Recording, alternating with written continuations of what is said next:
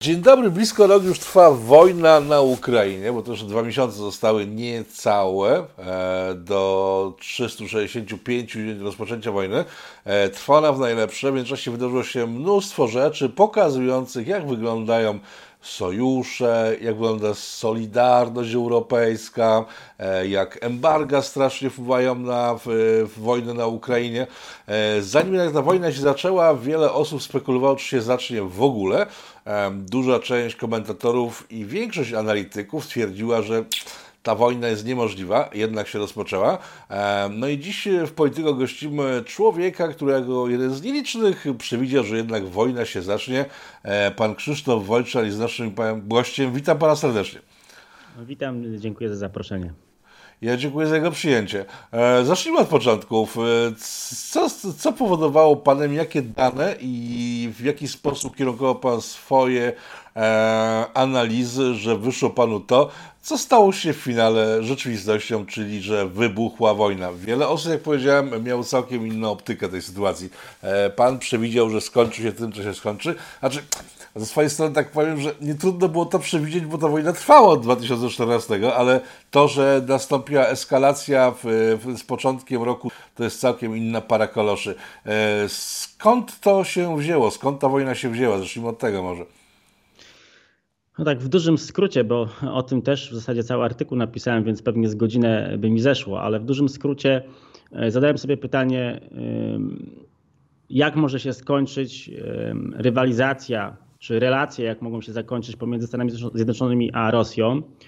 E, I doszedłem do wniosku, że e, no nie ma szans na drugi reset, czy na odwróconego Nixona, czy jak to różne osoby nazywały. To znaczy nie będzie porozumienia amerykańsko-rosyjskiego w takim kształcie, w jakim obie strony by chciały, ponieważ ich interesy są zupełnie sprzeczne i y, zupełnie inaczej postrzegały relacje, czy, czy to, co chciało drugiej strony. To znaczy, e, po pierwsze, Amerykanie chcieli mieć sojusznika przeciwko Chinom, a co było sprzeczne z interesami rosyjskimi, ponieważ e, jakby działanie na korzyść Stanów Zjednoczonych, czyli na korzyść swojego konkurenta, i walczenie w jego imieniu z potężniejszymi od siebie Chinami, no to to byłby strzał w kolano Rosji, także Rosjanie się na to nie chcieli zgodzić. No, a z drugiej strony Amerykanie chcieli mieć wiarygodnego partnera, a, ta wiarygo- a tą wiarygodność Rosja w 2013 roku e, utraciła. Utraciła na skutek tego, że, że Władimir Putin wycofał się z tego resetu z 2009 roku zawartego z Obamą, e, w związku z czym E, w związku z czym później nastąpiła właśnie eskalacja taka pierwsza e, majdanowska na Ukrainie, bo to była reakcja w mojej ocenie strony amerykańskiej na działania rosyjskie w, w Syrii między innymi przeciwko interesom amerykańskim. Także, także generalnie rzecz biorąc e, wydaje mi się, że z perspektywy Amerykanów Amerykanie nie mogli zawrzeć takiego dealu z Rosjanami, żeby być pewnym, że Rosjanie nie, zdążą, nie zdołają odwrócić się czy zmienić stron w naj, naj, najbardziej, najbardziej newralgicznym i najmniej korzystnym dla Amerykanów momencie w rywalizacji z Chinami. E, no i tutaj ten brak wiarygodności rosyjskiej był e, kluczowy, a z perspektywy Rosji oczywiście Rosjanom nie w smak były warunki amerykańskie, czyli jakby tutaj bycie jako amerykańskim żołnierzem e, przeciwko Chińczykom. Także tutaj obie strony miały zupełnie inne oczekiwania, e, a więc jeśli mają inne oczekiwania, to czym to się może skończyć? Oczywiście zaostrzeniem konfliktu. No i jak, e, tutaj drugie pytanie, jak Rosjanie chcieliby to rozegrać, jak, jak chcieliby pod, postawić pod ścianą Amerykanów. No i doszedłem do wniosku, że po kilku innych narzędziach, których mogli użyć, a których nie wszystkie użyli, z tych, z tych co wymieniłem w książce między innymi, no to takim narzędziem byłoby przejęcie kontroli nad Ukrainą e, w ten czy w inny sposób. E, ja stawiałem na to, że, to się, że Ukraińcy będą faktycznie się bronić i dojdzie po prostu do konfliktu zbrojnego. No a ten rok 2022 wziął się stąd, że po prostu zliczyłem takie newralgiczne, mm, newralgiczne inwestycje infrastrukturalne, jeśli chodzi o energetykę w Europie. Kluczowym oczywiście tutaj był Baltic Pipe Polski, E, z terminem na koniec 2022 roku, e, z terminem zakończenia. Myśmy to realizowali dosyć e, planowo. I w związku z tym doszedłem do wniosku, że Rosja, która się posługiwała zawsze dwoma argumentami, to znaczy argumentem szantażu energetycznego to był pierwszy, argument możliwości użycia siły zbrojnej to był drugi argument. No więc jeśli Rosja w tym starciu przeciwko Amerykanom chciałaby mieć jakby pełny potencjał, pełny wachlarz możliwości co do nacisku i wywierania presji również na Unię Europejską i, i Zachód Europy, no bo Unia Europejska i Zachód Europy też jest przedmiotem tej, przedmiotem tej gry. W związku z tym należałoby wywołać tą silną presję E, przeciwko Amerykanom jeszcze właśnie przed końcem 2022 roku, ponieważ e, jeśli te wszystkie infrastrukturalne inwestycje by się zakończyły, one zresztą teraz się zakończyły, no może nie wszystkie te, które planowaliśmy, bo jeszcze jest pływający terminal LNG w Gdańsku, którego nie załatwiliśmy do tej pory, ale który jest w planach, no to wówczas e, Europa Środkowa, wówczas Europa Środkowa zyskuje niezależność energetyczną od Rosji, a w związku z tym to jakby osłabia pozycję rosyjską E, w rozgrywaniu tutaj Europy, również Europy Środkowej. Także no jakby w ten sposób się kierowałem w dużym skrócie taką logiką. No dobrze, ale Amerykanie w ramach resetu sami zaprosili Rosjan tam do Syrii, to oni wprowadzili znowu e, Rosję do, na, na Bliski Wschód. E, nie wiedzieli wcześniej, że Rosja jest takim krajem, który kiedy da mu się rękę i umożliwi ekspansję, to natychmiast tam wchodzi. I jak wyglądała optyka amerykańska w chwili w resetu Obamy? Bo to chyba jest interesujące i trochę też daje obraz e, w przyszłości, czyli Majdanu właśnie i obecnego konfliktu. Znaczy optyka była taka z tego, co jak, ja, ja to, to oceniam, z 2009, 2008 roku, przepraszam, czy 2009. Już teraz nie pamiętam dokładnie tych dat, ale mm, był ten szczyt w Deauville, gdzie e, no, była deklaracja wspólna przy uczestnictwie prezydenta Stanów Zjednoczonych, Francji, Niemiec, ale i właśnie Rosji, dotycząca, to, to był czas arabskiej wiosny, I ta deklaracja dotyczyła szeregu państw Afryki Północnej, jak również Bliskiego Wschodu i w szeregu tych państw, które zostały wymienione w tej deklaracji, która się ukazała po, po tym szczycie, e, była wymieniona również Syria, a nawet Iran. I podpisywał się pod tym Putin i tam były takie bardzo ogólnikowe stwierdzenia, że, że trzeba wprowadzić demokrację, że trzeba walczyć o stabilizację tego regionu, ale ja to odczytuję jako takie sanowanie e, czy akceptację Putina na to, żeby to właśnie Amerykanie być może wespół albo przy uczestnictwie właśnie mm, Francuzów i Niemców robili porządki, czy mm, stworzyli pewnego rodzaju warunki polityczne w Afryce Północnej i na Bliskim Wschodzie. E, no i to do jakiegoś momentu e, się działo rzeczywiście bez e, przeszkód stawianych przez Rosję. Natomiast w 2013 roku okazało się, że Władimir Putin dozbraja reżim syryjski co było oczywiście sprzeczne z interesami Stanów Zjednoczonych, które wówczas chciały obalić Asada. E, I to wyszło na skutek e, przejęcia przez Szkotów u swoich wybrzeży transportu, w którym, w którym były bodaj śmigłowce bojowe rosyjskie, czy tam części zamienne, już teraz dokładnie nie pamiętam. W związku z czym jakby Amerykanie się zorientowali, że że ten reset, a w wyniku resetu przecież Amerykanie naprawdę bardzo dużo ustępstw poczynili na, na, na rzecz Rosji. To znaczy zlikwidowano E, drugą flotę atlantycką, która była odpowiedzialna za, e, za pilnowanie niejako floty północnej rosyjskiej. Zrezygnowano przecież z tarczy antyrakietowej w Redzikowie i w Czechach. E, no, jak, jak, również zgodzono się na ten projekt Euro-Rosji polityczny, który przecież był promowany w pewnym, przez, przez pewnym momencie i oficjalnie w zasadzie to było jakby deklarowane przez Putina i również przez Niemców, czyli ten projekt Europy od E, Lizbony po Władywostok. Także e, tutaj szereg koncesji został, zostało uczynionych ze strony Amerykanów, natomiast oni z drugiej strony chcieli chcieli uporządkować pewne sprawy na Bliskim Wschodzie i w Afryce Północnej. No i tutaj wydaje mi się, że Władimir Putin w pewnym momencie stwierdził, że skoro uzyskał już tak silną pozycję w partnerstwie z Niemcami, tak bardzo ich uzależnił od również w tych bilateralnych relacjach, od surowców energetycznych. I ja podejrzewam, że nawet Niemcy pewnie też mocno dawali do zrozumienia Putinowi, że, że rzeczywiście to, to strategiczne partnerstwo jest trwałe i, i one zmierza do wyparcia niejako interesów amerykańskich z Europy.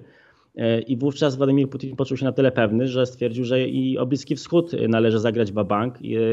No i jakby nie dopuścić do tego, żeby Assad, żeby Assad e, upadł i żeby e, Syria została przemodelowana.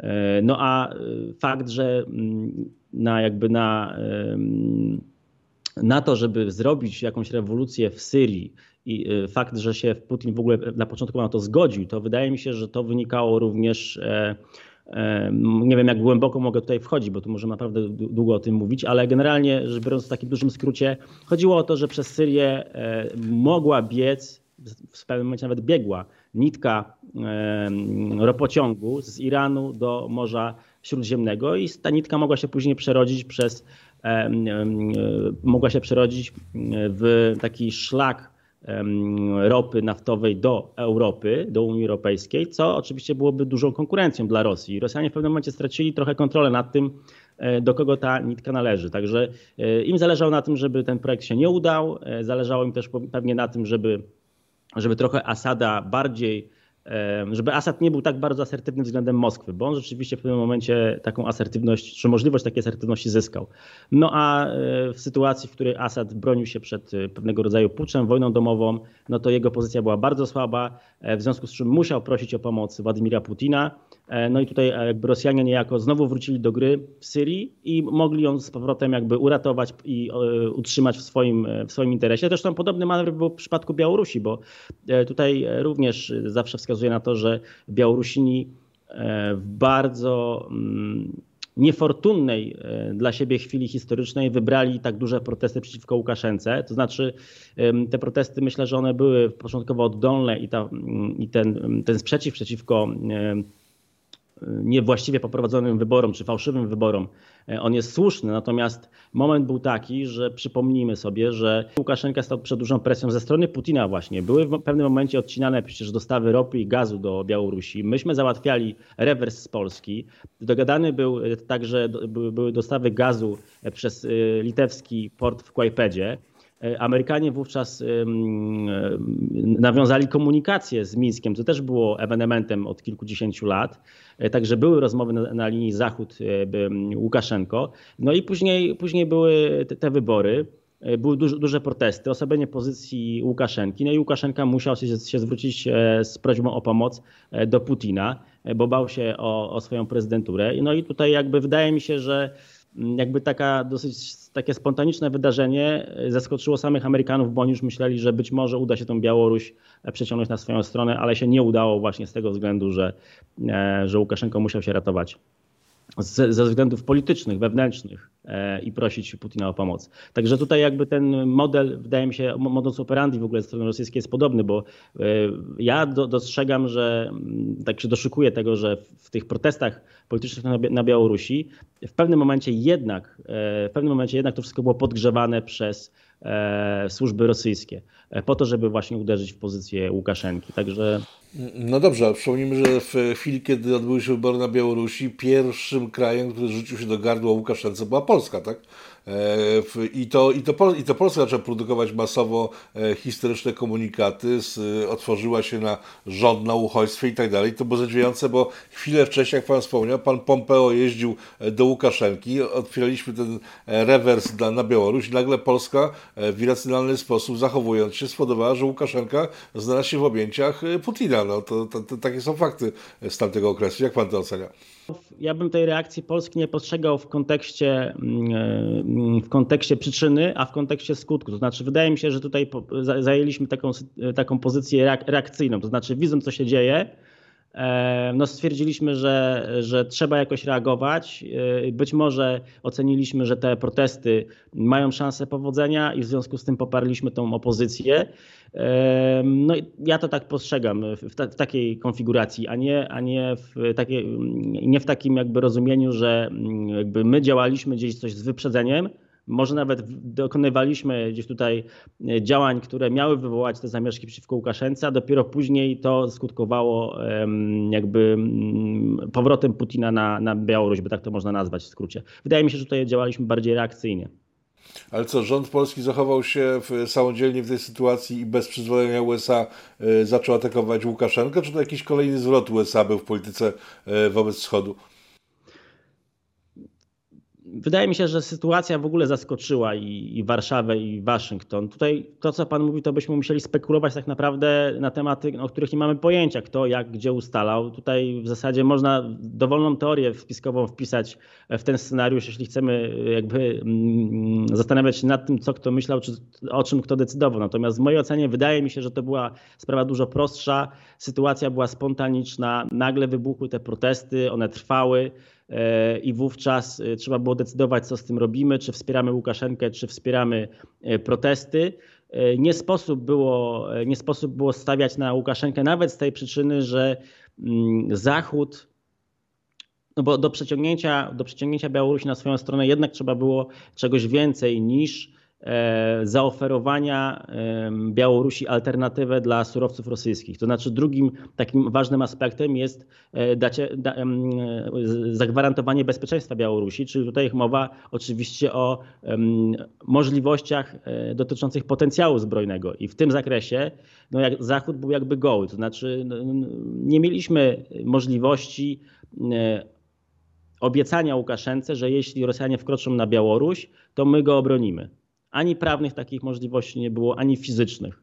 E, w sensie, no, no, no, no teraz można mówić, że rzeczywiście NATO się na wschodniej e, flance zaczyna stawiać i faktycznie zwiększamy obecność, no ale na tamten moment, no to tutaj byliśmy bardzo słabi militarnie jednak e, i nie byliśmy gotowi na jakiekolwiek akcje. W związku z czym w związku z czym nie było tego drugiego argumentu siły, a po drugiej stronie, po stronie rosyjskiej, ten argument siły był. To znaczy, Putin mógł mówić: Słuchaj, Łukaszenko, e, sytuacja jest niestabilna, nie masz kontroli nad krajem, to my tą zaraz kontrolę e, ustanowimy, bo my potrzebujemy mieć Białoruś w swojej strefie wpływów. I mógł być taki szantaż właśnie po stronie rosyjskiej. E, wobec którego Łukaszenka musiał się ugiąć, a po stronie Zachodu nie było na, na, jakby na to odpowiedzi. Także ja bym bardziej patrzył na to, że jednak strona rosyjska była na Białorusi znacznie silniejsza pod względem takich twardych argumentów, w związku z czym no nie było możliwości. Trzeba było podjąć tą grę o odwrócenie mm, Mińska i przejęcie Białorusi, natomiast w mojej ocenie, ja też to pisałem w książce, że bo pisałem książkę jeszcze przed tymi wydarzeniami, więc, więc stwierdziłem, że trzeba podjąć taką grę o Białoruś, natomiast ona nie, e, raczej nie będzie skuteczna. No i no rzeczywiście tak się okazało, że, że no już jest stracona, można powiedzieć. E, jeśli chodzi o Mińsk, to jest stracony przynajmniej na kilka, kilka lat, dopóki Rosja się nie rozsypie. A mhm. taki wariant jest możliwy w przyszłości. E, książka, o której mówi pan Krzysztof, to jest trzecia dekada Świat dziś za 10 lat. Można ją kupić na stronie krzysztofwojczak.pl, jeżeli ktoś jest zainteresowany. E, okładkę w tej chwili widzicie na ekranie. E, tak mnie zainteresował Pan tym, co, co, co Pan mówi, bo w, dlaczego poświęcono Białoruś, a nie poświęcono Ukrainy? Raptem rok różnicy między jedną a drugą sytuacją. Białoruś porzucono na pastwę Putina, jak sam pan powiedział. E, tymczasem, kiedy zaczęła się zawierucha wokół Ukrainy, fakt, że na Białoruś Putin nie wkroczył, a na Ukrainę wkroczył, e, ale na Ukrainę rzucono nagle wszystkie środki, czyli te środki jakoś istniały i mogły być użyte. E, najpierw dyplomatyczne, nie użyto ich, militarne w przypadku Białorusi nie trzeba było, a na przypadku Ukrainy użyto. Czemu nie zastosowano adekwatnych rozwiązań do całej, do całej flanki wschodniej, czy jak to woli naszych kresów wschodnich? Tak, to bardzo dobre pytanie i ja tutaj odpowiedzi upatruję w po prostu uwarunkowaniach geopolitycznych. To znaczy y, Białoruś nie ma dostępu do morza, a to od strony morskiej y, najłatwiej jest dostarczać pomoc. E, Ukraina takie, taki dostęp do morza posiada i posiadała. Jednocześnie Ukraińcy wyrazili wolę oporu względem, i to było najważniejsze w mojej ocenie, wolę oporu względem e, rosyjskiej dominacji, natomiast na Białorusi takiej woli oporu nie było widać. E, a w związku z tym, jeśli dane państwo nie chce się oderwać od Rosji, nie chce z Rosją walczyć, no to trudno jest, żeby ktokolwiek inny walczył za samych Białorusinów. Zresztą nawet to teraz widać, że Białorusini sami mm, są przeciwni w dużej części Łukaszence, ale jeśli już patrzymy na e, sondaże dotyczące postrzegania Rosji, no to one przed 24 e, lutego one były na korzyść Rosji.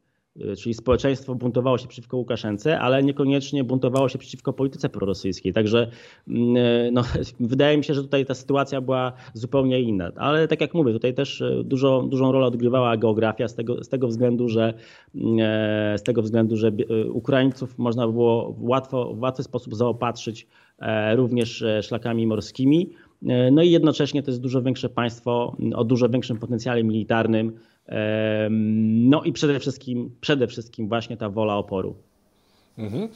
Jeżeli, pan, jeżeli, pan, mówi o notowaniach, to e, z miesiąc temu, dwa miesiące temu odbyły się targi książki geopolitycznej, festiwal e, geopolityczny w Warszawie e, i tam można było na przykład dowiedzieć się, że w, jeżeli chodzi o notowania, to na wschodnim krańcu Ukrainy, tym zajętym w tej chwili przez Rosjan, e, przed wojną notowania partii ukraińskich były bardzo niskie, a prorosyjskich bardzo wysokie, czyli też analogiczna sytuacja jak e, na Białorusi.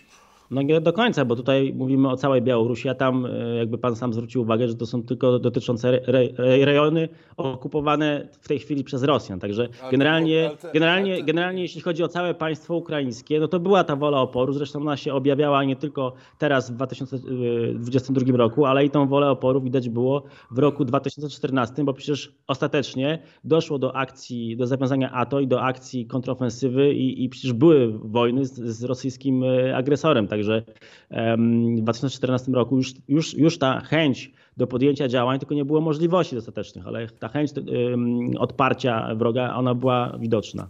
Ja mówię o badaniach jeszcze sprzed wojny, sprzed Majdanu. Mówię o tym całym terenie e, prorosyjskim Ukrainy, właściwie do którego miała pretensje Rosja i tamte, tamte notowania władz ukraińskich były, były dość niskie.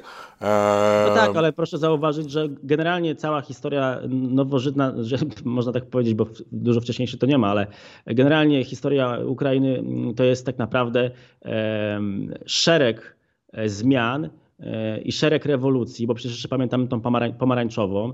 E, tam cały czas walczyły wpływy wschodu i zachodu i społeczeństwo cały czas e, próbowało niejako dołączyć do, do strony zachodniej i ta wola była widoczna od wielu, wielu lat. To, to, to, to naprawdę był długi proces. Natomiast na Białorusi jest e, stabilnie. No jest bardzo stabilnie pod tym względem. Łukaszenko cały czas trzyma władzę. Nie było żadnych rewolucji do tej pory, żadnych puczów, żadnych, żadnego rodzaju takich nawet zamieszek większych, e, a nawet woli dołączenia do Unii czy do NATO, a w przypadku, w przypadku Ukraińców całe społeczeństwo wielokrotnie dawało do, do zrozumienia, że e, jego wolą jest właśnie dołączenie do e, choćby do Unii Europejskiej, bo to o to się przede wszystkim rozbijała, rozbijała kwestia taka społeczna, natomiast w tej chwili e, na płaszczyźnie już bezpieczeństwa to oni muszą bardziej zabiegać o to, żeby się znaleźć w NATO, bo inaczej jeśli się nie znajdą w NATO, no to będzie dogrywka i Rosja e, wcześniej czy później znowu zaatakuje Ukrainę.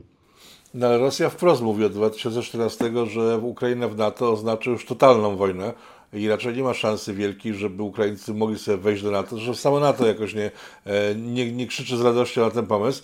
E, no ale panie redaktorze, czy możemy sobie wyobrazić jeszcze bardziej totalną wojnę niż, te, niż ta, która w tej chwili jest? Rosjanie w tej chwili używają już wszelkich konwencjonalnych środków na Ukrainie po to, żeby, żeby wygrać tę wojnę, tylko problem jest ich e, taki, że robili to nieumiejętnie, robią to w sposób, e, w sposób miarowy, to znaczy nie zmobilizowali całego swojego potencjału militarnego, żeby zrobić jednego dobrego uderzenia, tylko po prostu nawet w tej chwili, jak robią mobilizację, to nie robią mobilizacji, zresztą z przyczyn politycznych i wewnętrznych zapewne, no ale to już jakby inna kwestia. No ale e, robią tą mobilizację 300 tysięcy, za chwilę może znowu 300, zamiast zmobilizować raz, a porządnie dużą armię, po prostu rozstrzygnąć konflikt na swoją rzecz. Także mm, no generalnie ja tutaj nie widzę e, nie widzę różnicy pomiędzy tym, że no jeśli Ukraina wejdzie do NATO, to będzie naprawdę już prawdziwa wojna, bo już w tej chwili tę, tą wojnę Rosjanie prowadzą wszelkimi dostępnymi możliwymi środkami, tylko tyle, że robią to bardzo nieumiejętnie.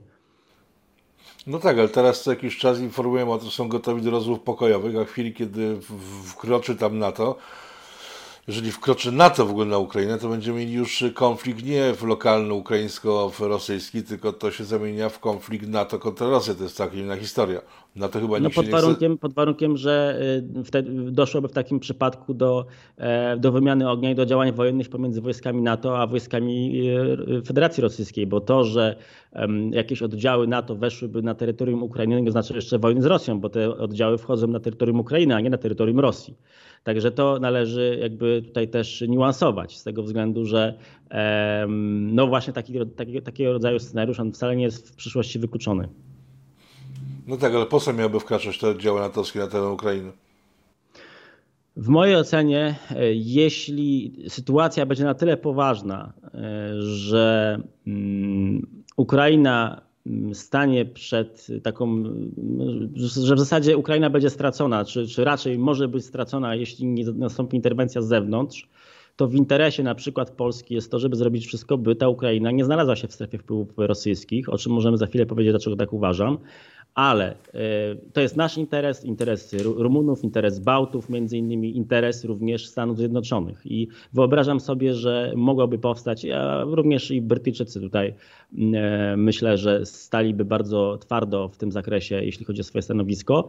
I wyobrażam sobie, że całe na to nie, bo to by trzeba było naprawdę zgody wszystkich do, do takiej interwencji, ale wyobrażam sobie, że mogłoby e, dojść do takiej e, interwencji w rozumieniu wchodzimy, e, wybrane państwa najbardziej zainteresowane i obejmujemy jakąś część Ukrainy niezajętą przez Rosjan kordonem sanitarnym, ale kordonem sanitarnym w rozumieniu takiej siły zbrojnej. No i wówczas to po stronie rosyjskiej leży to, czy, czy Rosjanie chcą atakować państwa wybrane na to, czy nie. Oczywiście tutaj od razu nie, nie ryzyko artykułu 5, no bo przecież te, y, przecież te państwa byłyby tylko wybrane i to byłaby jakaś interwencja, powiedzmy humanitarna, nazwijmy to w ten sposób. Ale, w, ale y, i to właśnie i to, to byłby właśnie problem dla Putina, bo to Putin musiałby decydować, czy strzelać, czy nie strzelać, czy wywoływać ewentualnie jakiś konflikt i jak on mógłby się później przerodzić, czy nie.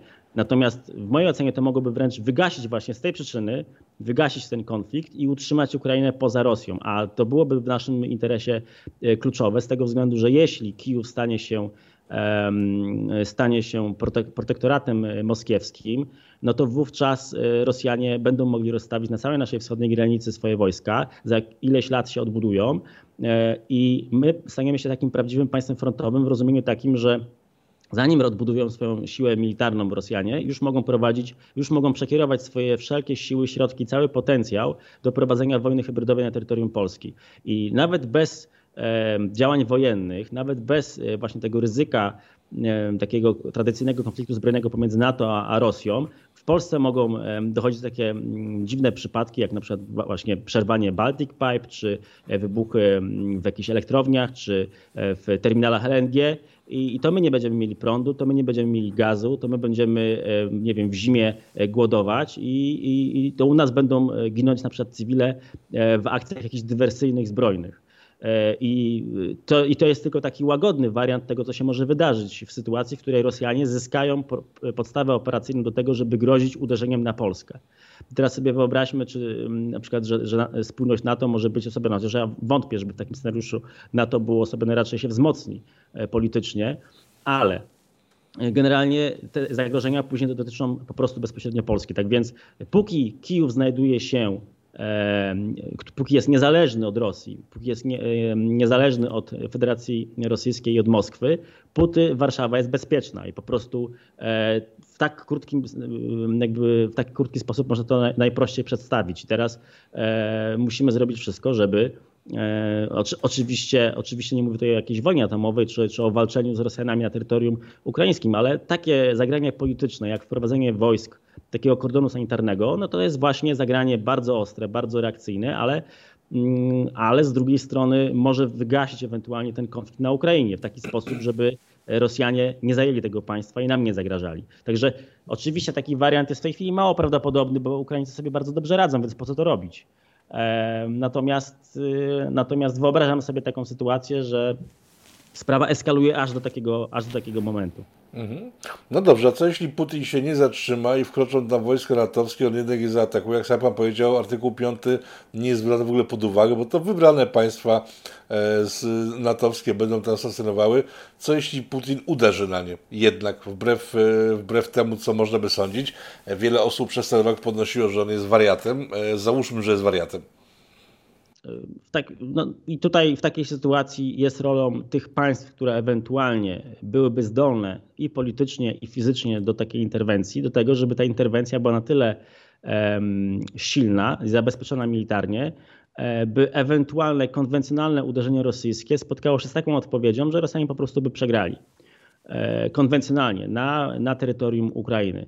A wydaje mi się, że jest, jest potencjał, Amerykanie mają taki potencjał do tego, żeby stworzyć wrażenie wobec Rosjan, e, że są w stanie rzeczywiście, są w stanie rzeczywiście zniszczyć e, rosyjskie wojska na Ukrainie w sposób konwencjonalny, jeśli będą tego chcieli. I zresztą to było komunikowane w ostatnim czasie przez byłego chyba dyrektora CIA, z tego co pamiętam, tylko w kontekście innym, w kontekście ewentualnego użycia broni jądrowej na Ukrainie przez Rosjan, no to wówczas padły takie, oczywiście to było nieoficjalnie i gdzieś tam dla prasy, ale to był taki jasny komunikat w mojej ocenie, że Amerykanie są zdolni rzeczywiście zatopić flotę czarnomorską rosyjską i są faktycznie w stanie zniszczyć rosyjskie wojska na Ukrainie, jeśli Rosjanie się posuną za, za, za, za daleko, przepraszam. Także wydaje mi się, że tego, jakby za tym komunikatem, e, za tym komunikatem ja postrzegam to tak, że, że jest realna siła. To znaczy Rosjanie musieliby się takiego wariantu,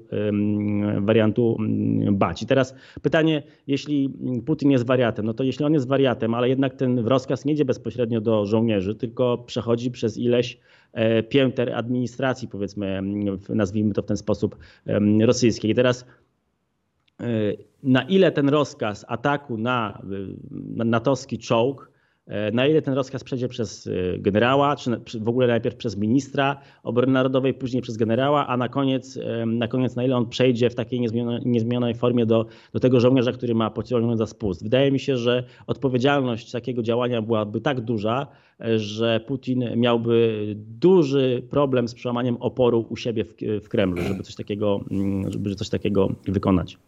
Znaczy, mówiąc o tym, że Putin jest wariatem, trochę żartowałem tak naprawdę, bo te ostatnie 300 dni pokazały, że wszystkie osoby mówiące, że on jest wariatem, e, chyba poległy na polu boju. E, Putin spowodował, że Europa pogrąża się w ogromnym kryzysie gospodarczym. Jego samego ta wojna wiele nie kosztuje. Ostatnie dane już teraz powielane oficjalnie w, te, w tej chwili w mediach mówią o tym, że wojna kosztuje Rosji niecałe 6% PKB. Z kolei wojna kosztuje Ukrainę 150% PKB. Ukraina bez zewnętrznych dochodów, przychodów, darowizn, jakby tego nie nazwać, e, nie jest w stanie funkcjonować, e, więc on raczej tę wojnę jak na razie wygrywa. E, zajął ten teren, który, który, który uważa, że powinien być zajęty i wyciągnął rękę przynajmniej wtedy i chciał pertraktacji i wtedy wysadzono Nord Stream. I tu mam pytanie do Pana, bo tu też analitycy nie są zgodni. Większość analityków twierdzi, że to Putin wysadził sobie Nord Stream. Co Pan o tym sądzi? To znaczy tak, najpierw bym się odniósł jeszcze do, do, tej, do tych test, które pan postawił. Ja nie jestem, raczej stoję na stanowisku, że Putin tę wojnę przegrywa. To znaczy zależy jaką, w jakim kontekście rozumiemy. Znaczy wąskim, powiedzmy tak na płaszczyźnie ukraińsko-rosyjskiej, no to rzeczywiście tę wojnę można powiedzieć, że wygrywa mimo dużych strat, to Ukraińcy się bronią, oni ponoszą duże straty gospodarcze, część terytorium zostało zajęta, reszta jest dewastowana. W tym kontekście uważam, że Ukraińcy przegrywają, no bo każde państwo, które prowadzi na swoim terytorium wojnę po prostu przegrywa. Bardziej lub mniej, ale jednak. W kontekście szerszym, w kontekście osiągnięcia celów strategicznych, przez Federację Rosyjską w kontekście wojny na Ukrainie żaden z celów strategicznych nie został osiągnięty. E, tak więc w tym kontekście Rosjanie przegrywają i oni też przegrywają już samym tym, że oni nie, nie przejęli kontroli nad Kijowem w te trzy dni, które planowali. E, bo uwiązali się w, długo, w długotrwały e, konflikt, ponoszą bardzo ciężkie straty militarne, które będą ich kosztowały w przyszłych latach to, że nie będą mogli już tak łatwo grozić E, nie będą mogli tego używać szantażu siłowego, bo będą się musieli odbudować. To po pierwsze. Po drugie, ich zaangażowanie na Ukrainie oznacza, że są znacznie mniej zaangażowani w każdym, na każdym innym kierunku i na każdym innym kierunku politycznie będą tracić. E, nie, nie, wcale nie jest powiedziane, że za chwilę za Kaukazie nie zapłonie. E, Azja Centralna jest dosyć, dosyć tak powoli, ale systematycznie E, przeciągana na stronę Chin, także Finlandia i Szwecja wchodzą do NATO. Także no tutaj na płaszczyźnie takiej międzynarodowej, takim w szerszym kontekście Putin bardzo mocno przegrywa. W zasadzie zrobił wszystko, żeby, żeby przegrać jak najwięcej w, w, w zakresie tych swoich celów strategicznych, takich e, dotyczących rywalizacji ze Stanami Zjednoczonymi, czy też ze strony przeciwko NATO.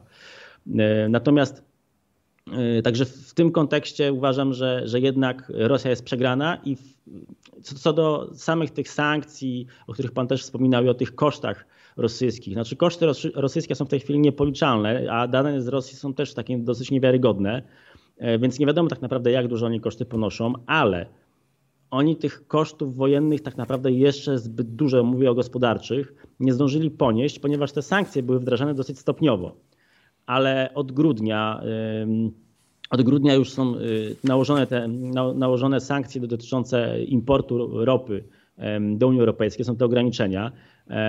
Cały czas, zresztą jeśli chodzi o surowce energetyczne z Rosji, te sankcje będą zwiększane i to wszystko idzie w tym kierunku, a na ropie e, Rosjanie zarabiali najwięcej. Także oni dopiero teraz, teraz dopiero zaczną naprawdę mocno tracić na tej wojnie.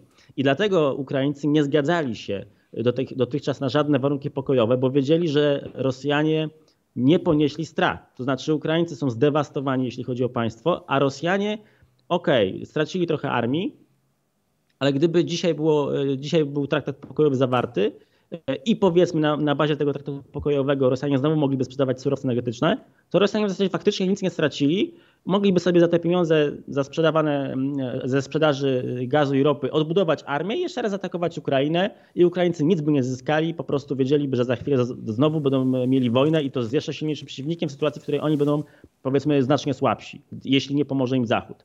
Tak więc dlatego Ukraińcy dążą do, wydaje mi się, i to zresztą obie strony, ale Ukraińcy z tego względu, że czują, że muszą pokonać tak Rosjan, tak mocno muszą pokonać Rosjan, żeby oni e, zaakceptowali warunki pokojowe w, tak, w, w takim brzmieniu, że, y, że mm, NATO przyjmuje Ukrainę do, do, do siebie. Bo jeśli Ukraina nie będzie w NATO, to ją czeka znowu wojna za ileś lat. Także Ukraińcy walczą dokładnie o to. A to oczywiście jest warunek, który jest na, na tą chwilę nie do spełnienia przez, z perspektywy Putina. Więc naprawdę więc naprawdę e, czeka nas dalsza eskalacja i faktycznie wydaje mi się, że obie strony dążą do takiego jednej walnej, może bitwy, to dużo powiedziane, bo bitwa mi tam się kojarzy z jakimś procesem krótkotrwałym, ale wydaje mi się, że do dużego starcia, które ma rozstrzygnąć bądź to na stronę rosyjską, bądź na ukraińską tą wojnę, ale tak jednoznacznie. Znaczy obie strony dążą do takiego jednoznacznego zwycięstwa. E, bo Ukraińcy potrzebują wejść do NATO, potrzebują gwarancji bezpieczeństwa, bezpieczeństwa na przyszłość i potrzebują tak zniszczyć Ameryka rosyjską armię, żeby ta nie była w stanie w ciągu iluś lat znowu wkroczyć na Ukrainę. Z kolei Rosjanie e, muszą oczywiście przejąć Kijów. E, to jest ich celem nadrzędnym z tego względu, że Ukraina wchodząca do NATO jest dla nich zagrożeniem, a z drugiej strony poprzez rozstawienie wojsk na Ukrainie będą chcieli Rosjanie zagrozić dalej interesom amerykańskim.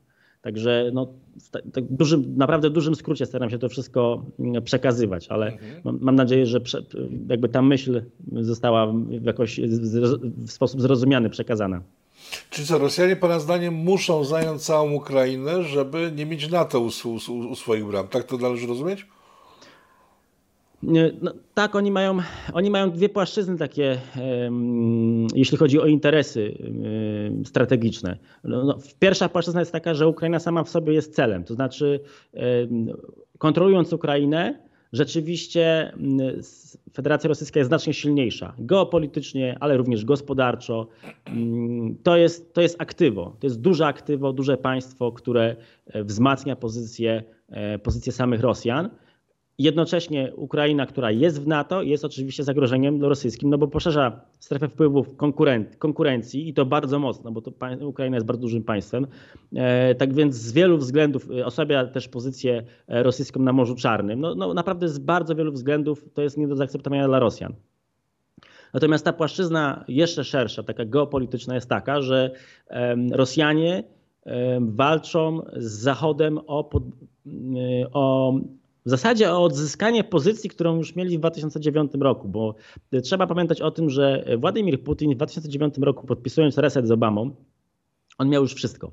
Miał zgodę na energetyczne uzależnianie Europy Zachodniej od Rosji, miał zgodę na, czy innymi słowy miał zgodę na pozyskiwanie kapitału, za ten kapitał miał zgodę na pozyskiwanie zachodnich technologii, które są potrzebne Rosji, żeby się utrzymać w ogóle w wyścigu zbrojeniowym. A, a w wyścigu zbrojeniowym to raz, a dwa, te technologie zachodnie były potrzebne do tego, żeby utrzymać, utrzymać wolumen wydobycia gazu i ropy z Rosji.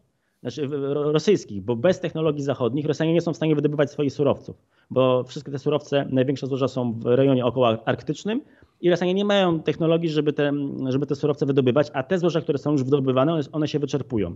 Oni sami ocenili, że ropa chyba do 2035 roku się o 50% im spadnie wydobycie. Tak więc to, to, to z czego żyją, e, zależy od inwestycji, a inwestycje zależały od technologii z zachodu. To zostało, to e, w 2009 roku Putin miał. Miał również zgodę na polityczny projekt e, między mm, Europą, Unią Europejską a Rosją Tak więc w zasadzie politycznie, ekonomicznie i technologicznie Rosja była zabezpieczona. E, no i Putin zerwał ten, ten reset, bo chciał jeszcze więcej, chciał mieć wpływy na Bliskim Wschodzie, chciał poszerzać, swoją, e, chciał poszerzać swoje, swoje jakby tutaj możliwości, swój potencjał. E, no a efekt jest odwrotny do, zamierzonego, bo nie, bo nie ma ani projektu politycznego. W tej chwili Unia Europejska się odcina energetycznie i te szantaże energetyczne już przestają, przestają być skuteczne względem zachodu Europy. Jednocześnie nie, nie ma już żadnej mowy o partnerstwie na linii Berlin-Moskwa. No oprócz tego Putin ma wojnę, która jest dla niego jest bardzo kosztowna. Tak więc y, w zasadzie stracił wszystko i próbuje to odzyskać. Y, I próbuje to odzyskać w taki sposób, że mm, oczywiście metodami siłowymi, bo żadnych innych e, Rosja argumentów nie posiada, czyli rozstawieniem wojsk na Ukrainie, którą by przejęli ewentualnie i wówczas e, zagrożenie Amerykanom drugą zimną wojną. Znaczy argument byłby taki, słuchajcie Amerykanie, macie y, przed sobą rywalizację z y, Chińską Republiką Ludową. To jest wasz główny cel, żeby utrzymać hegemonię, żeby Chińczycy byli jakby pod wami na, na, na tych szczeblach, powiedzmy, międzynarodowych. E, I żeby mniej więcej byli od was y, jak najbardziej zależni. E, I mając w kontekście rywalizację z Chinami, my wam teraz stawiamy warunek, że my będziemy z wami prowadzić drugą zimną, zimną wojnę w Europie. Czy was stać na to, żeby z nami prowadzić zimną wojnę, rozstawiać e, ciężkie dywizje swoje amerykańskie w Polsce, bo Polska się sama przed nami nie obroni e, i to będzie was bardzo dużo kosztowało i jednocześnie prowadzić rywalizację z Chinami. Czy was na to stać? Wydaje mi się, że tego rodzaju szantaż Putin będzie próbował, czyli to jest jego celem, żeby taki szantaż, przed takim szantażem postawić Waszyngton. E, no i oto jakby toczy się ta, ta szersza rywalizacja po to, żeby Putin mógł ugrać właśnie te wszystkie rzeczy, które miał już przed 2009 rokiem, a które utracił. No dobrze, a NATO i USA stać na to? Jak Putin postawi w ten sposób sprawy, faktycznie dopnie swego, jeżeli chodzi o naciski na Zachód, na USA, no na USA głównie, bo NATO nie jest tutaj, nie ma wspólnego frontu. E, czy USA stać na postawienie się Putinowi długoterminowe? To jest chyba pytanie w tej chwili kluczowe. W mojej ocenie będą musieli, to znaczy nawet jeśli ich nie stać, to będą, będą musieli znaleźć na to środki. Z tego względu, że jeśli e, Stany Zjednoczone e, pokażą, że szantażem czy groźbą mm, można jakby pokonać Amerykanów i pokonać NATO i Amerykanie zgodziliby się na mm, warunki stawiane przez Putina, no to przegrywając ze sobą Rosją, Stany Zjednoczone pokazują, że nie są w stanie pokonać Chińczyków.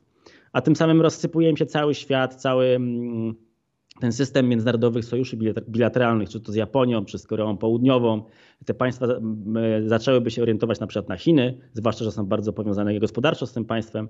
E, tak więc e, tutaj było, no, to, jest, to jest tak naprawdę, gdyby Amerykanie zgodzili się na warunki Putina, to by musieli od razu już na wstępie powiedzieć, dobrze, to przegraliśmy swoją hegemonię, Ameryka First, wycofujemy się, wycofujemy się zupełnie na kontynent Ameryki Północnej e, i kompletnie, kompletnie jakby mm, zarzucamy swoje wszelkie ambitne plany co do, co do mm, i dotychczasową politykę, co do w ogóle e, areny międzynarodowej i układu e, sił. No tak, ale zrobili to samo kilka lat temu w Afganistanie. E, wróćmy jednak do tego rejonu, bo myślę, że on może być takim kluczem, który dużo otwiera. E, to Amerykanie i Obama zaprosili w, Putina do Syrii. To oni wpuścili go do kurnika. To Amerykanie zdradzili swoich sojuszników w Afganistanie. E, I nikt na całym świecie raczej nie widział w tym większego problemu. Dlaczego mieliby się przełamać tym, e, że jakaś tam Ukraina, która nie ma zbyt e, dobrej prasy na wschodzie, dalekim szczególnie, i na Bliskim Wschodzie też nie, bo Bliski Wschód pamięta doskonale, ile Amerykanie wymordowali ludzi w związku z wprowadzeniem demokracji. W związku z tym e, przy milionach tamtejszych mieszkańców te kilka, kilkadziesiąt tysięcy Ukraińców nie robi na nikim wrażenia. Dlaczego odpuszczenie Ukrainy miałby mieć psychologiczny efekt na sojuszników w USA na Dalekim Wschodzie, którzy, tak jak powiedziałem, nie są proukraińscy, wręcz przeciwnie, bardziej patrzą w stronę Rosji. No tak, ale mm, Amerykanie e, pokazali, to jest gra między Waszyngtonem a Moskwą. Amerykanie wspierając Majdan, bo to, to też był ruch oddolny, jak już mówiliśmy wcześniej, Ukraińcy sami chcieli do Zachodu e, i bez tego ruchu oddolnego, czy bez tej tendencji po prostu no nie da się e, wspierać w jakimś państwie zmiany władzy, czy, czy uzyskiwać wpływów. No po prostu musi być, e, musi być, musi być też wola danego społeczeństwa. I ta wola była. Amerykanie ją wsparli w Majdanie i niejako mm, pokazali, że Ukraina staje się ich aktywem i oni dają pośredni sposób, to, to tak mówię w dosyć uproszczony sposób, bo nie było żadnych traktatów przecież, ale generalnie Amerykanie pokazali, że ok, wspieramy waszą inicjatywę, odzyskujemy Ukrainę dla siebie, dla Zachodu, czyli ona staje się antyrosyjska, a w związku z tym pokazujemy, że to jest nasze aktywo i my będziemy go bronić. No i teraz jest pytanie, teraz nie chodzi o to, czy ktoś się przejmuje Ukraińcami, czy nie, moralnie, tylko chodzi o to, że jeśli Amerykanie przegrają Ukrainę, to znaczy, że e, są słabsi od Rosji w, w, jakby na płaszczyźnie, na której rzucili Rosji wyzwanie. No to, to jakby samo, samo z siebie już pokazuje, pokazywałoby słabość e, amerykańską. Także Amerykanie w tym kontekście muszą pokazać, że są silniejsi, no bo zaangażowali się, więc pokazują. A Afganistan to jest zupełnie inny przypadek, bo Afganistan przede wszystkim nie dotyczył tej rywalizacji Rosji. Nie był też, wejście do Afganistanu nie było też rzuceniem rękawicy żadnemu innemu mocarstwu. E, I zresztą Ciężko mówić o afgańskim rządzie jako o sojuszników Amerykanów. Raczej to był, e, e, raczej to był taki mm, rząd marionetkowy Amerykanów. Bardziej bym w ten sposób to postrzegał. W sensie takim, że Amerykanie weszli, mm, e, wygrali wojnę, przejęli kontrolę nad Afganistanem i się stworzył jakiś rząd.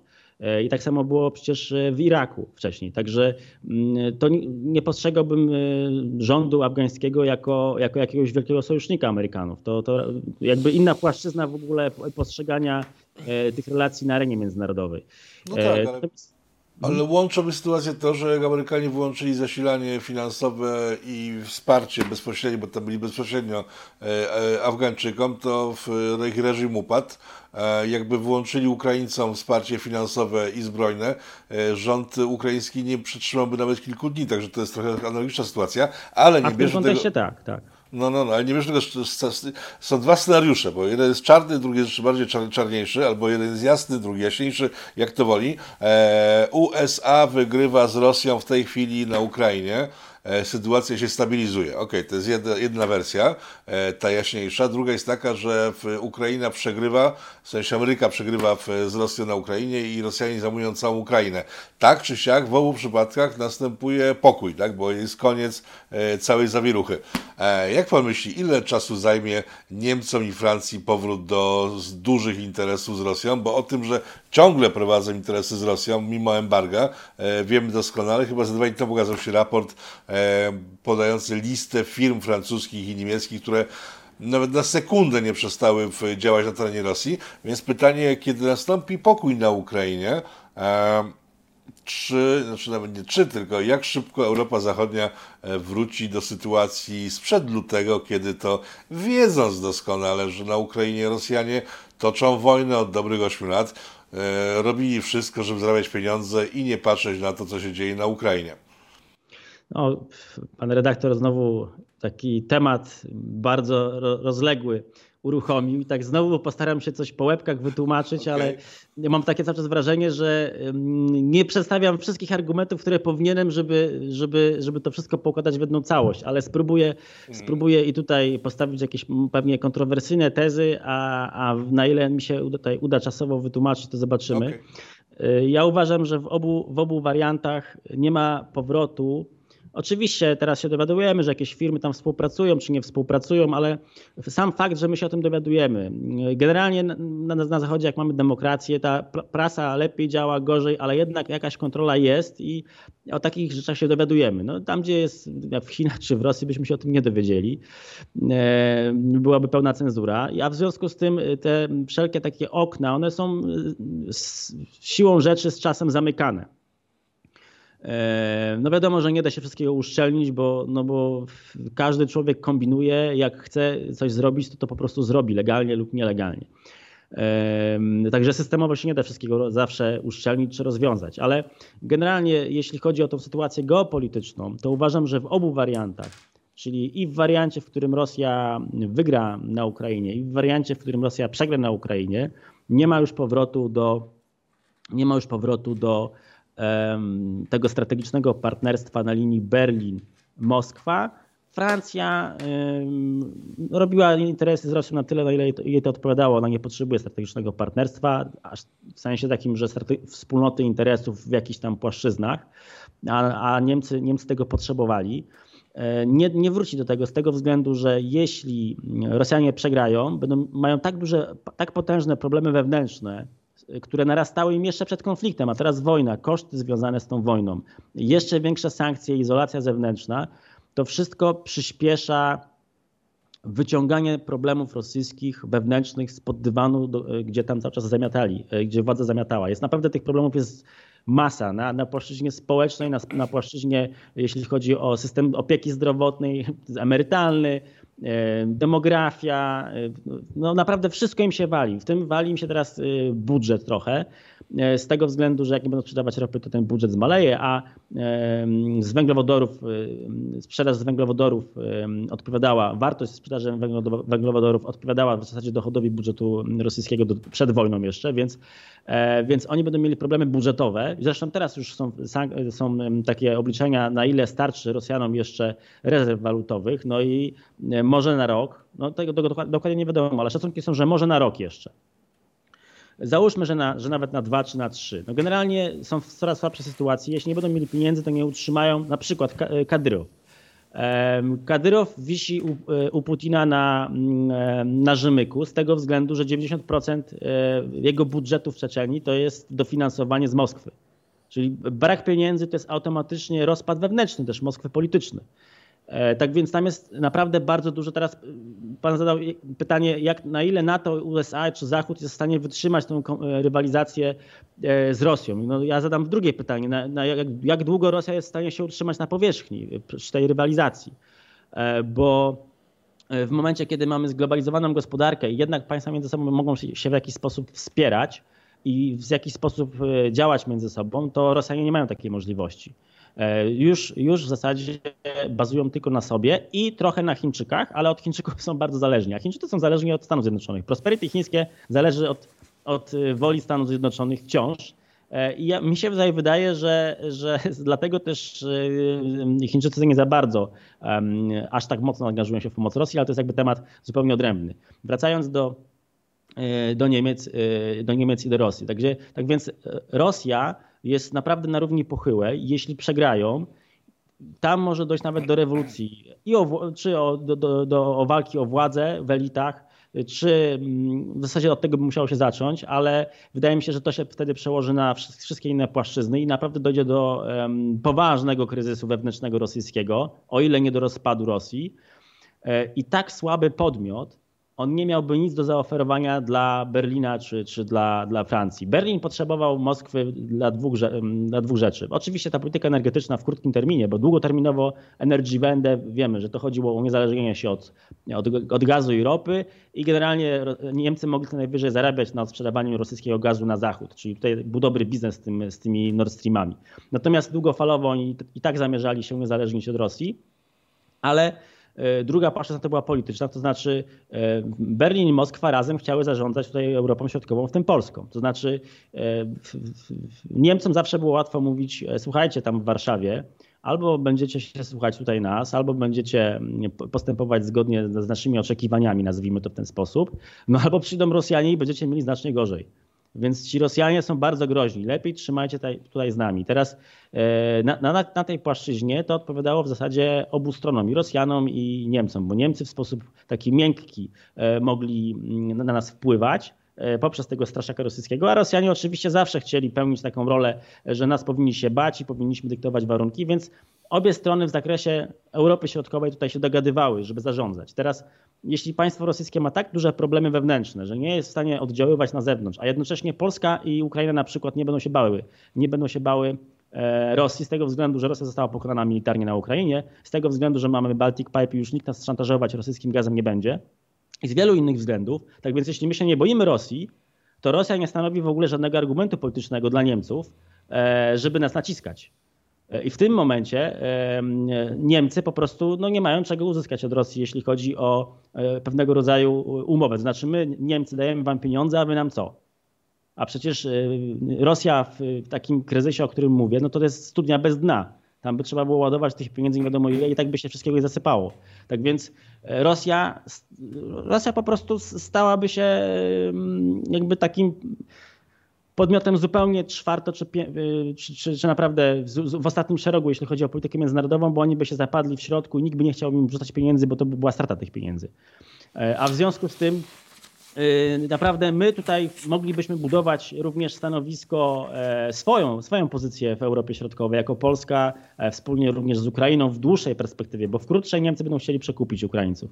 Natomiast wydaje mi się, że właśnie Niemcy się przeorientują w tej swojej polityce. Jeśli zobaczą, że Rosja nie stanowi dla nich aktywa, sięgną po Ukrainę, po to, żeby móc właśnie oddziaływać wciąż na Polskę. Innymi słowy, będą rzucać pieniądze dla, e, na odbudowę, będą chcieli wciągnąć oczywiście Ukrainę również do Unii Europejskiej i będą chcieli po prostu kupić sobie e, i zasypać pieniędzmi swoje, powiedzmy, dawne przewiny względem Ukraińców, no bo takie mieli na początku wojny, bo mieli bardzo, mieli bardzo złą prasę i wizerunek w oczach Ukraińców na początku, prawda?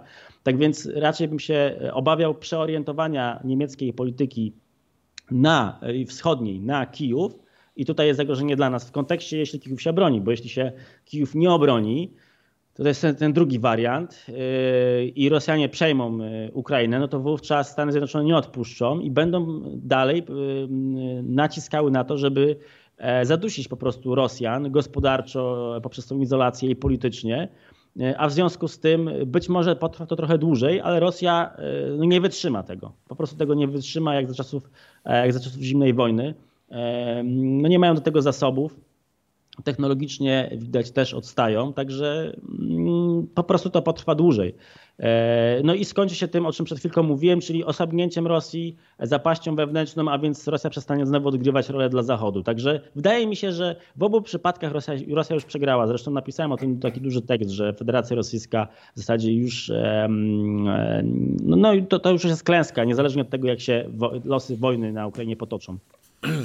No tak, jak patrzymy historycznie, to tak, e, Niemcy zawsze robili problem Amerykanom w Europie, e, a kiedy doszło do sytuacji, w której Niemcy no, zostały sparaliżowane, spacyfikowane, zniszczone i poddane, to wtedy Amerykanie wyciągnęli rękę i stworzyli znowu Wielkie Niemcy. E, w historii, tak długo jak istnieje USA, nigdy nie było tak, że Rosja, która kilka razy już historii była blisko upadku, e, nie dostała w podanej ręki od USA, e, żeby czasem się nie wywróciła, bo tego politycznie szkodzi. Jak pan sobie wyobraża rozpad Rosji? Bo jest tak, jest Turcja, która nie od dzisiaj, nie od wczoraj, nie od dekady, tylko od, od, od kiedy tylko rozpadł się e, Związek Sowiecki, ma politykę wyciągania w republik islamskich. Na razie im się to nie udało i nie udaje, ale ta polityka istnieje, zresztą Erdogan ostatnio objechał te wszystkie E, postsowieckie republiki islamskie. E, jest Kaukaz, o którym Pan wspomniał, który bez pieniędzy rosyjskich nie żyje. E, Kuryle, ok, Japonia sobie je weźmie spokojnie. Chiny i Syberia to jest jaki, jakaś duża legenda, bo tutaj w tym, w tym programie Michał Lubina mówił, że ta ekspansja chińska na Syberii nie do końca jest tak szeroka, jak się, jak się mówi. Czy jest ryzyko, nie wiem, Ural... Uff, Gubernator Uralu pół roku temu mówił, że, że się zbuntuje przeciw Putinowi, jeśli ten będzie podbierał mu obywateli na wojnę. E, jest możliwa sytuacja taka, że Rosja rozpali się na tak drobne kawałki, że tylko Moskwa zostanie de facto, e, czy jednak jest to gruba przesada?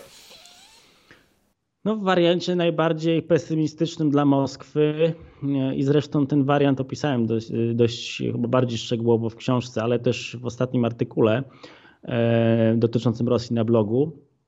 Rzeczywiście e, rozpad taki fizyczny e, terytorium rosyjskiego jest, jest bardzo prawdopodobny. W tym takim najgorszym scenariuszu dla nich pod względem tych wszystkich zapaści na różnych płaszczyznach. Z tego względu, że już teraz widzimy, że terytoria zauralskie, one nie, nie, nie do końca, nie do końca podążają za Moskwą e, w rozumieniu politycznym i w rozumieniu również takiej wewnętrznej, wewnętrznej gospodarki, ponieważ tam jest takie poczucie, że mm, no jednak trochę te regiony są okradane przez Moskwę, przez centralę, z tego względu, że e, zyski z wydobywanych surowców trafiają do Moskwy, a Moskwa zamiast je przekazywać do regionów, z których one zostały te, te, te surowce, przekazuje te pieniądze na przykład właśnie, jak już mówiłem, do Dagestanu czy do Czeczeni.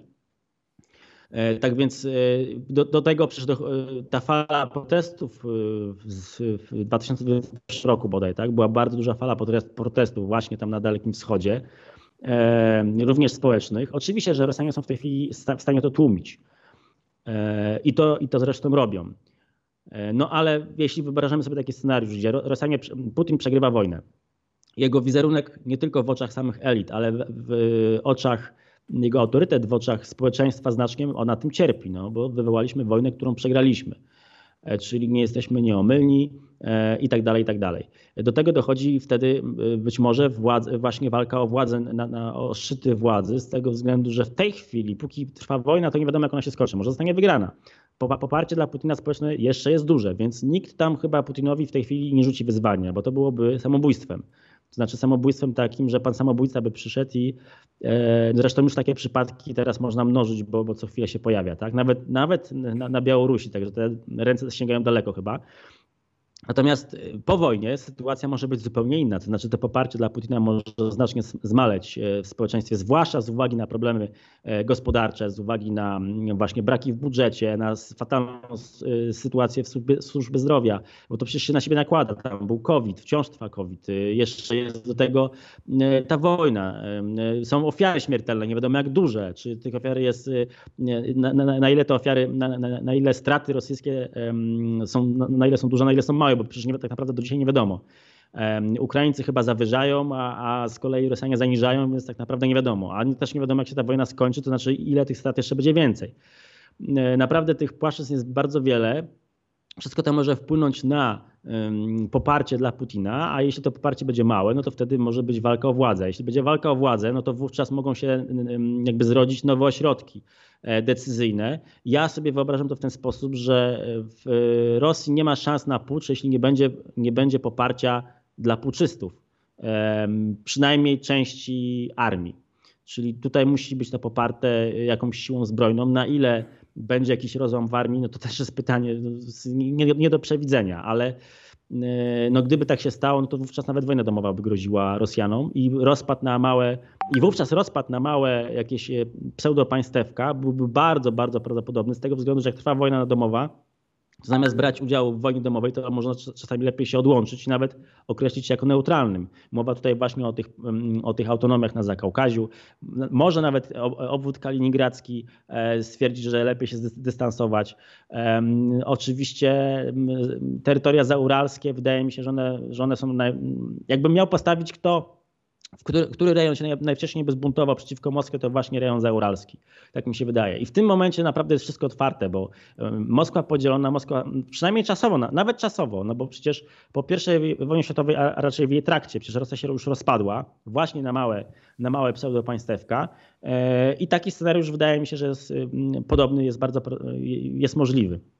W tym momencie naprawdę to, to, o czym Pan mówił, e, czyli te e, wszystkie inne państwa ościenne podgryzające e, Rosjan na, na wybranych odcinkach, to jest zupełnie możliwy scenariusz, bo, bo Rosja, która będzie pogrążona wewnętrznie w wojnie i w chaosie, no, będzie podatna na to, żeby odrywać od niej kolejne terytoria czy kolejne strefy wpływów.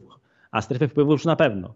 Znaczy Azja Centralna na przykład moim zdaniem byłaby do wyciągnięcia, tylko pytanie kto po nie sięgnie, prawdopodobnie Chiny, ale ra raczej raczej musiałyby poszukać tutaj sojusznika jeszcze, jakiegoś bliższego Azji Centralnej. Właśnie na Zakaukaziu jest, y, tak jak Pan już wspomniał, e, Turcy mieliby duże, ale Turcy też mają duże interesy, jeśli chodzi o, o sam akwen e, Morza Czarnego. Także oni też będą wspierać przy ewentualnym pokoju na Ukrainie, na przykład będą wspierać powrót Krymu na Ukrainę. To, jest, to też jest warte notowania, że jest duże Wydaje mi się, że jest wiele państw, które wspierałyby e, odzyskanie przez Ukrainę Krymu akurat. Nie wiem, czy militarnie to się Ukraińcom uda, ale politycznie później po konflikcie to się może udać. Przy Donbasie e, raczej jestem sceptyczny. W Donbasie w rozumieniu granic zajętych w 2014 roku przez Rosjan. Natomiast już teraz widzimy, że w Skandynawii Skandynawia się odrywa zupełnie, znaczy odrywa, no, przechodzi z neutralności w, w sojusz natowski. E, Białoruś Białoruś mi się wydaje, że w, w, tym przypadku mm, rzeczywiście oderwałaby się z wpływów rosyjskich, obwód kaliningradzki. Ukraina z pewnością weszłaby do Unii, do Unii Europejskiej, do NATO. No na Zakaukaziu tutaj wydaje mi się, że może być rewizja, ale już na pewno bardzo trudna sytuacja e, Ormian. To wydaje mi się, że no z całą sympatią, ale, e, ale jeśli Rosja upadnie, to, to tutaj, tutaj y, minusem tej sytuacji, takim z mojej perspektywy, byłoby to, że los Ormian zostałby przesądzony. To znaczy nikt już by nie stanął w ich obronie, a są w bardzo trudnej sytuacji geopolitycznej. Gruzini mogliby również próbować odzyskać Abchazję, Osetię Południową, również te autonomie, tak jak już mówiłem, Dagestan, Czeczenia. Także no, mogłoby być bardzo, bardzo ciekawie. Na pewno zmiany granic nie byłyby wykluczone. Mhm. Znaczy, patrząc e, na historię Rosji i sowieckiej i tej współczesnej, e, tam na zmianę rządzi armia i bezpieka, tak? bo to jak bezpieka za przegina, przegina pałę, to wkracza armia, później armia, jak ta armia osłabia się, w związku z tym wkracza bezpieka, w tej chwili rządzi bezpieka, więc faktycznie wypadałoby, żeby armia przejęła całą sytuację, ale ona raczej nie pozwoli na taką sytuację, żeby e, królewiec trafił do Czech, czy, czy, czy te, te czy inne rzeczy się miały wydarzyć, ale zobaczymy, bo na przykład o Krym w 2014, o czym mało kto pamięta, y, do Krymu pretensje wtedy zgłaszała Turcja właśnie, przyjmując tak, stare, tak, tak, stare umowy. Także to jest y, wszystko bardzo otwarte. Ale to jest temat na osobny program. Panie Krzysztofie, bardzo panu dziękuję za spotkanie. E, państwa gościem był Krzysztof Wojczal, autor książki, między innymi książki, bo to e, i blog, którego adres tej chwili na dole pod, pod, pod, naszymi twarzami. I trzecia dekada, e, książka, którą no, należy przeczytać, żeby wiedzieć więcej, tym bardziej, że jest tam parę rzeczy stawiających się w poprzek popularnym geopolitykom, nawet tym, którzy geopolitykę postrzegł do nas puścili. E, panie Krzysztofie, kłaniam się nisko i mam nadzieję, że się ponownie jeszcze zobaczymy. Dziękuję bardzo, z pewnością przyjmę, jeśli będzie takie zaproszenie. Fajnie, Pozdrawiam. dziękuję. Do zobaczenia.